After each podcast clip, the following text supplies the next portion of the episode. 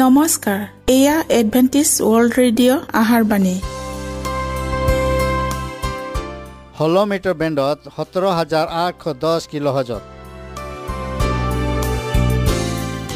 Adventist world radio যোগে অসমীয়া ভাষাত প্ৰচাৰিত আহাৰবাণী প্ৰত্যেক বুধবাৰ আৰু দেওবাৰ সন্ধিয়া সাত বজাত আহাৰবাণী শুনাৰ পিছত আপোনালোকৰ কিবা মন্তব্য আৰু প্ৰশ্ন থাকিলে আমালৈ এই ঠিকনাত লিখক। আমাৰ ঠিকনাটি হৈছে Adventist world radio' seventh day Adventist মণ্ডলী অসম শাখা লতাকাটা বশিষ্ঠ গুৱাহাটী সাত আঠ এক শূন্য দুই ন।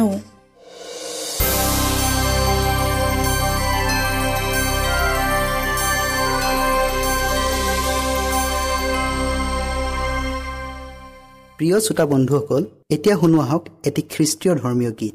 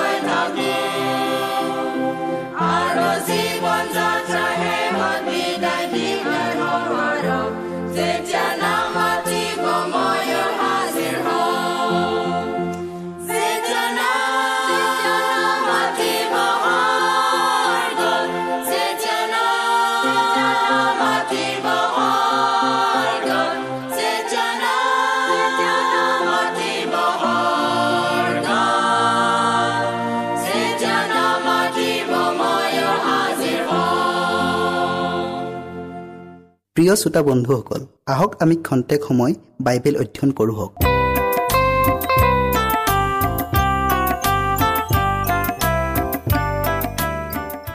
আমাৰ আজিৰ বিষয়টি হ'ল আমাৰ সকলো সা সম্পত্তি ঈশ্বৰৰ বিনামূল্যে তোমালোকে পালা বিনামূল্যে দান কৰিবা মঠি দ অধ্যায়ৰ আঠ পথ আমি প্ৰাৰ্থনা কৰোঁ হওক। স্বৰ্গত থকা জীৱনময় গৰাকী ঈশ্বৰ জেহুৱা ধন্যবাদ প্ৰভু তোমাৰ অনন্তকলীয়া আশীৰ্বাদৰ বাবে। প্ৰভু এতিয়া আমি যি বিষয়টিলৈ অধ্যয়ন কৰিবলৈ আগবঢ়াইছোঁ তুমি আমাক সেই বিষয়টিলৈ বুজিবলৈ জ্ঞান আৰু বুদ্ধি দিয়া। প্ৰত্যেক শ্ৰোতাৰ লগত তুমি পবিত্ৰ আত্মাৰ যোগেদি থাকিবা আৰু হৃদয় স্পৰ্শ কৰি দিবা। যীশুৰ নামত খুজিলোঁ। আমেন। ঈশ্বৰৰ উদাৰতাৰ বাবে যিখিনি আমি লাভ কৰিছোঁ সেইখিনি এতিয়াও ঈশ্বৰেৰে হৈ আছে। পৃথিৱীত যি যি সুন্দৰ আৰু মূল্যৱান বস্তুবোৰ তেওঁ ৰাখিছে সেইবোৰ আমাৰ হাতত দি তেওঁ আমাক পৰীক্ষা শেষ লয়। তেওঁৰ প্ৰতি আমাৰ প্ৰেম কিমান গভীৰ আৰু তেওঁৰ মংগলময় কাৰ্যবোৰক আমি কিমান সমাধাৰ কৰিব জানো তেওঁ তাক চাব বিচাৰে। আমাৰ যি যি সা সম্পত্তি অথবা জ্ঞান বুদ্ধি আছে সেই সকলোবোৰ যীশুৰ চৰণৰ উপহাৰ স্বৰূপে দান দিয়াৰ মানসিকতা থাকিব লাগিব। নিজৰ শিষ্যসকলক সমুদায় জগতলৈ যোৱা প্ৰতিটো জাতি ভাষাৰ মাজত সুবাৰ্তা প্ৰচাৰ কৰাগৈ বুলি দায়িত্ব অৰ্পণ কৰা সময়ত খ্ৰীষ্টই তেওঁৰ অনুগ্ৰহৰ বিষয়ে অধিক জ্ঞান আহৰণ কৰিবলৈ আন এটা কামো অৰ্পণ কৰিছিল। এফালে যেনেকৈ এটা দলক তেওঁ সুবাৰ্তা প্ৰচাৰ কৰিবলৈ পঠিয়াইছিল। আনফালে তেনেকৈ আন এটা দলক তেওঁৰ কাৰ্যৰ বাবে সিহঁতৰ সা সম্পত্তিৰে পৰা ইচ্ছাকৃত দান উপহাৰ আনিবলৈ আদেশ কৰিছিল। সকলোৱে অধিককৈ দান আগবঢ়াব নোৱাৰিব পাৰে। সকলোৱে ডাঙৰ কাম দেখনীয়াৰ কাম কৰিব নোৱাৰিব পাৰে। কিন্তু সকলোৱে আত্মা ত্যাগী হ'বলৈ চৰ্চা কৰিব পাৰে। সকলোৱে ত্ৰাণকৰ্তাজনাৰ অস্বাৰ্থপৰায়ণতাৰ চৰিত্ৰটোক প্ৰকাশ কৰিব পাৰে। কিছুমানে প্ৰভুৰ ভঁৰাললৈ নানা তৰহৰ উপহাৰ আনিব পাৰে। আন কিছুমানে পোতা খৰি এটাকে আনিব পাৰে। কিন্তু প্ৰতিটো উপহাৰ খোলা অন্তৰেৰে আৰু সৰলতাৰে আনিব লাগে আৰু এনে উপহাৰক হে প্ৰভুৱে গ্ৰহণ কৰে। বহুতে ভাবি আচৰিত হ'ব পাৰে যে এই আত্মাত্যাগী হোৱাৰ কাৰ্যৰ দ্বাৰাই বাৰু ঈশ্বৰৰ ভঁৰালত কিহৰ ধননো সাঁচিব পৰা যাব বুলি। কিন্তু আত্মা ত্যাগী নোহোৱা ব্যক্তিৰ বৃহৎ পৰিমাণৰ দান বৰঙণিতকৈ আত্মা ত্যাগী সৰলৰ বলিদানৰ কাৰ্যৰ দ্বাৰা সংগ্ৰহিত দান বৰঙণি ঈশ্বৰৰ দৃষ্টিত অধিক মূল্যৱান। উদাৰতাৰ যি আত্মা সেয়া হৈছে স্বৰ্গৰ পৰা আত্মা। কৃষ্টৰ যি আত্মা বলিদান সেয়া ক্ৰুচৰ ওপৰত প্ৰকাশিত হৈছিল। মানুহে যাতে উদ্ধাৰ পাব পাৰে তাৰ বাবে তেওঁৰ যি সকলো আছিল সকলোখিনিকে ঢালি দিছিল আৰু সৰ্বশেষত নিজকে অৰ্পণ কৰিছিল। ত্ৰাণকৰ্তাজনৰ আশীৰ্বাদ প্ৰাপ্ত প্ৰত্যেকজন অনুসৰণকাৰীয়ে যেন পৰম শৈতিষী হ'ব পাৰে তাৰ বাবে কৃষ্টৰ ক্ৰুচে নিবেদন কৰিছে। ক্ৰুচৰ নীতিয়ে হৈছে আনক দিয়া দান কৰা। আনফালে জগতৰ নীতি হৈছে লোৱা আৰু লোৱা। কৃষ্টৰ সেই ক্ৰুচৰ পৰা শুভবাৰ্তাৰ যি পোহৰ প্ৰকাশিত হৈ আছে সেই পোহৰে স্বাৰ্থপৰতাক তিৰস্কাৰ কৰি আছে। ঈশ্বৰৰ মানুহখিনিৰ অনেক ব্যক্তিয়ে জাগতিকতা আৰু লাভ লালসা আদিৰ ভয়াৱহ জালত ভৰি থৈছে। তেওঁবিলাকে এইটো বুজি পোৱা উচিত যে কেৱল তেওঁৰ কৰোণাইহে সিহঁতৰ প্ৰয়োজনখিনিক যোগান ধৰিব পাৰে। এইদৰে তেওঁ মানুহক এটা মাধ্যম হিচাপে গঢ়ি লয়। আৰু এই মাধ্যমৰ মাজেৰে তেওঁ তেওঁৰ আশীৰ্বাদ পৃথিৱীত বিলাই দিয়ে। প্ৰিয় শ্ৰোতা বন্ধুসকল ঈশ্বৰে এনে উপকাৰী আঁচনি তৈয়াৰ কৰে যাৰ দ্বাৰা মানুহে নিজৰ সৃষ্টিকৰ্তাজনৰ নিচিনা পৰম শৈতিষী আৰু নিস্বাৰ্থ চৰিত্ৰৰ গৰাকী হ'ব পাৰে আৰু অৱশেষত কৃষ্টৰ সৈতে অনন্তকলীয়া গৌৰৱময় পুৰস্কাৰ ভাগি হয়। ৰমিয় দহ অধ্যায়ৰ দুই পদটো আমি আকৌ চাওঁ। ঈশ্বৰলৈ তেওঁবিলাকৰ উৎসাহ আছে বুলি মই তেওঁবিলাকৰ পক্ষে সাক্ষ্য দিছোঁ। কিন্তু সেই উৎসাহ জ্ঞান অনুসাৰে নহয়। কোনো কাৰণ নোহোৱা কিছুমান বিভ্ৰান্তিজনক উৎসাহৰ হাই উৰুমি শুনিবলৈ পোৱা যায়। যি জ্ঞান অনুসাৰে নহয় যি কাৰ্যক্ষেত্ৰত অন্ধ আৰু পৰিণাম হয় ধ্বংসাত্মক। এনেকুৱা ধৰণৰ উৎসাহ খ্ৰীষ্টানৰ উৎসাহ নহয়।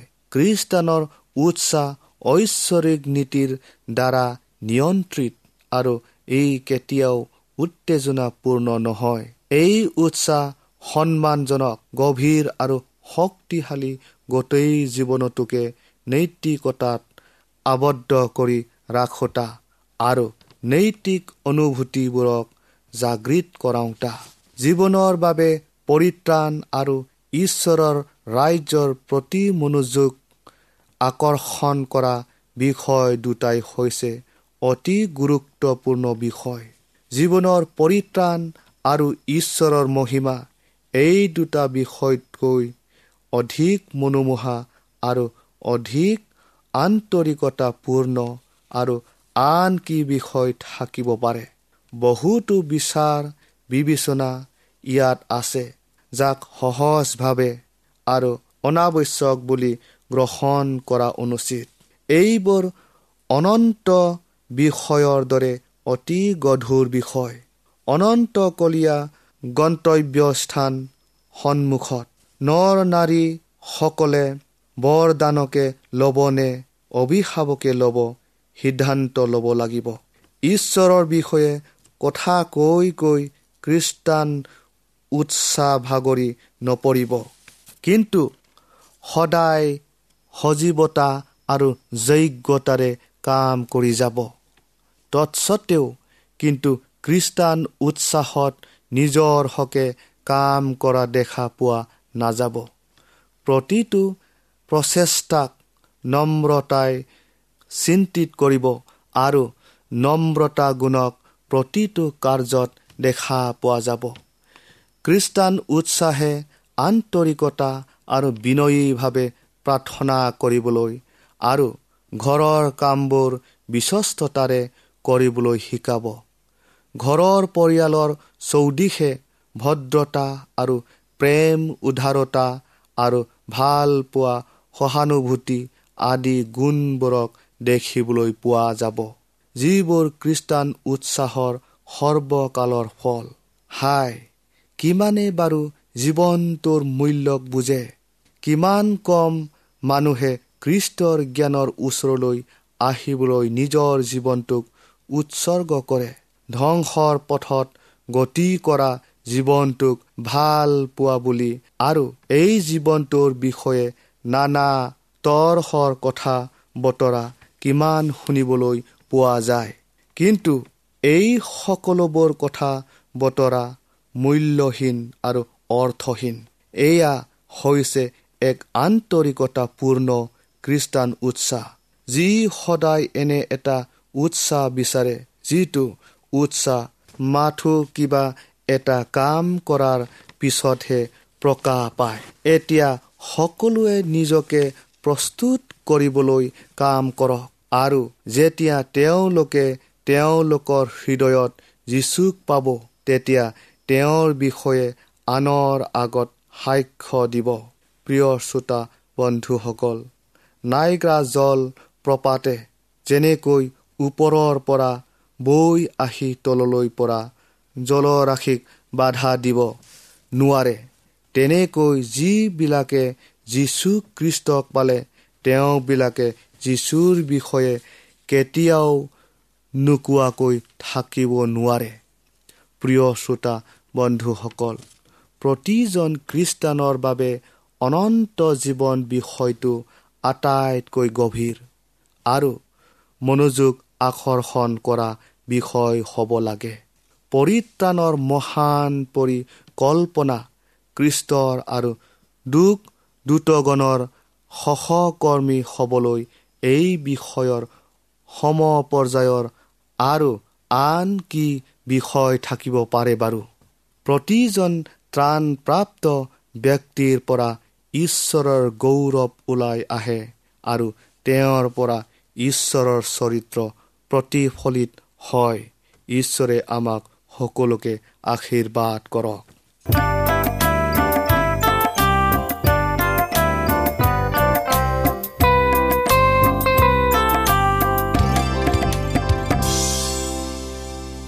ইমানপৰে আমি বাইবেল অধ্যয়ন কৰিলোঁ। এতিয়া আকৌ শুনো আহক এটি খ্ৰীষ্টীয় ধৰ্মীয় গীত।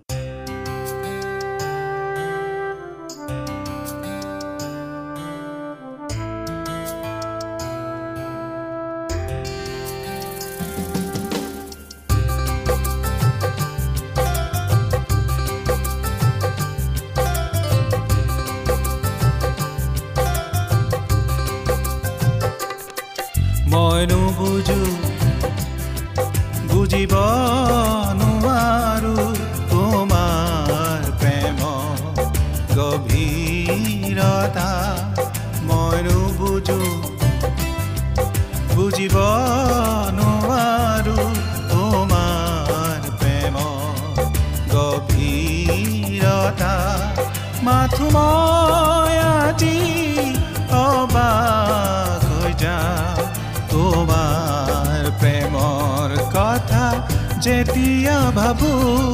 মাথো মই আজি অবাক হৈ যাওঁ। তোমাৰ প্ৰেমৰ কথা যেতিয়া ভাবো মই নুবুজো বুজিব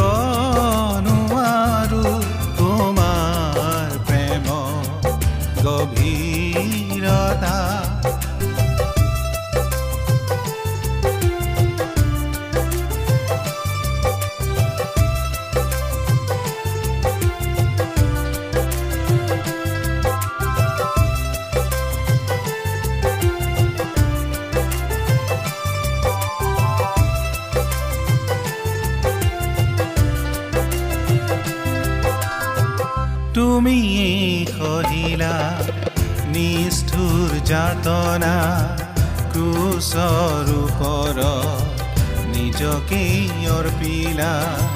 মোৰ পাপৰ বুজা বহন কৰিলা। তোমাৰ তেজেৰে মোক উদ্ধাৰিলা। তুমি কহিলা নিষ্ঠুৰ যাতনা ক্ৰুচৰ ওপৰত নিজকে অৰ্পিলা। মোৰ পাপৰ বুজা বহন কৰিলা তোমাৰ তেজেৰে মোক উদ্ধাৰিলা ভাষা নাই আজি বুজাবলে যিছু তোমাৰ ত্যাগৰ কথা ভাষা নাই আজি বুজাবলে যিছু তোমাৰ ত্যাগৰ কথা মই নুবুজো বুজিব নোৱাৰো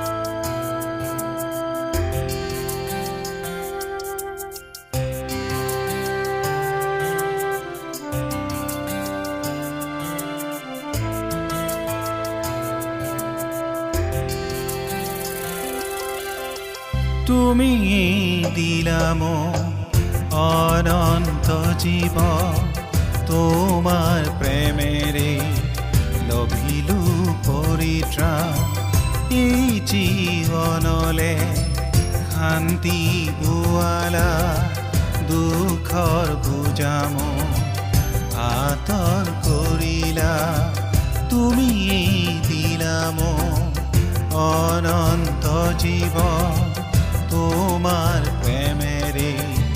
লভিলো পৰিত্ৰাণ এই জীৱনলে শান্তি পোৱালা দুখৰ বুজাম আঁতৰ কৰিলা। ভাষা নাই আজি বুজাবলে যিছু তোমাৰ প্ৰেমৰ কথা ভাষা নাই আজি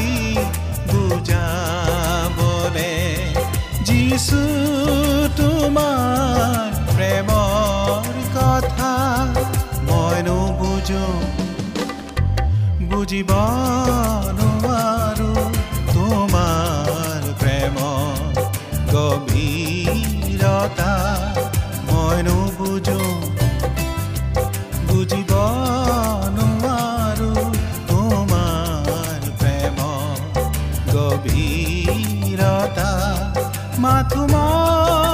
মই আজি অবাক হৈ যাওঁ তোমাৰ প্ৰেমৰ কথা যেতিয়া ভাবো মাথো মই আজি অবাক হৈ যাওঁ তোমাৰ প্ৰেমৰ কথা যেতিয়া ভাবো তোমাৰ প্ৰেমৰ কথা যেতিয়া ভাবো